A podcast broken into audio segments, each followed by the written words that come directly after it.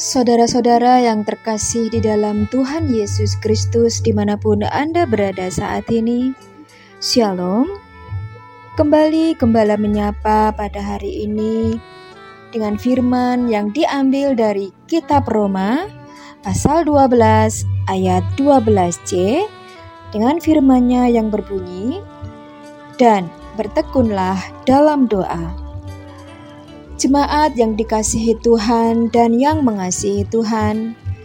Dalam KBBI atau Kamus Besar Bahasa Indonesia disebutkan bahwa doa yaitu permohonan, harapan, permintaan, pujian kepada Tuhan.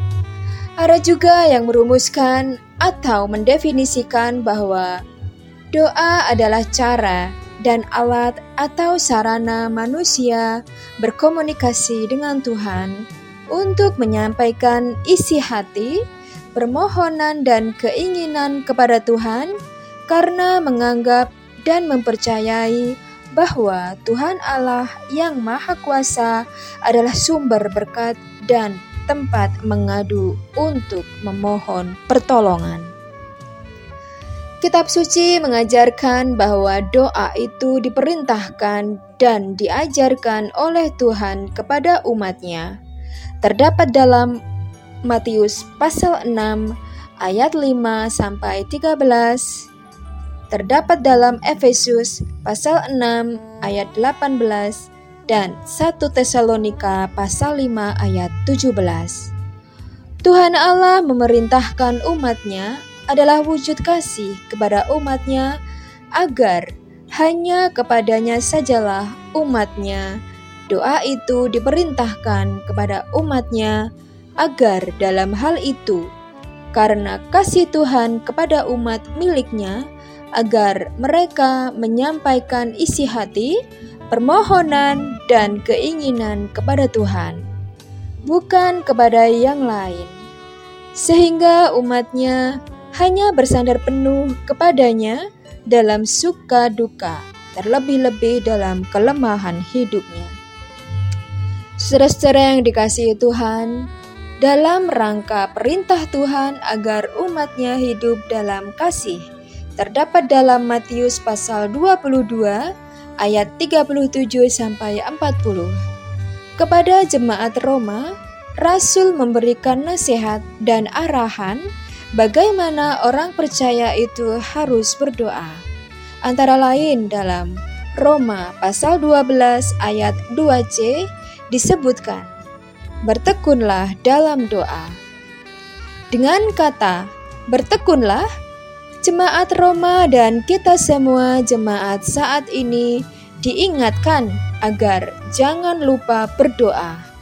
Bahkan Doa itu harus dilakukan dengan tekun, sungguh-sungguh, tidak hanya kalau ingat, perlu, dan membutuhkan, tetapi dalam segala keadaan, baik dalam suka maupun duka. Apabila orang berdoa dengan tekun, maka dalam rangka kasih kepada Tuhan, doa untuk Tuhan seperti yang diajarkan dalam doa Bapa kami, dikuduskanlah namamu, datanglah kerajaanmu, jadilah kehendakmu. Terdapat dalam Matius pasal 6 ayat 9 sampai 10 termasuk doa untuk pekerjaan pemberitaan Injil agar kedatangan kerajaannya terjadi. Semua itu mestinya disampaikan atau diucapkan. Karena tekun berdoa untuk itu semua mestinya tidak akan tercecer dan dilupakan. Demikian juga kalau orang berdoa dengan tekun, maka dalam rangka kasih kepada sesama, maka doa untuk dan dalam segala hal untuk keluarga, baik itu bapak, ibu, anak, saudara, sesama warga jemaat, warga masyarakat, bangsa, dan negara, para pemimpin, dan semua orang, bahkan untuk mereka yang memusuhi dan membenci kita, mestinya juga kita lakukan dan ucapkan. Apabila tidak tekun berdoa, maka bisa jadi doa untuk sesama tersebut terlupakan dan terabaikan. Saudara-saudara sejemaat, marilah nasihat agar bertekunlah dalam doa dalam rangka kasih kepada Tuhan dan kasih kepada sesama tersebut selalu mewarnai kehidupan kita orang percaya setiap hari. Percaya atau beriman kepada Tuhan, tetapi tidak pernah berdoa, lupa, dan melupakan untuk berdoa, bahkan tidak berdoa dengan tekun adalah godaan dan tantangan besar bagi nafas hidup kita, orang percaya, karena pada hakikatnya doa adalah nafas hidup orang beriman. Demikianlah sabda renungan pada hari ini. Tuhan Yesus memberkati. Amin.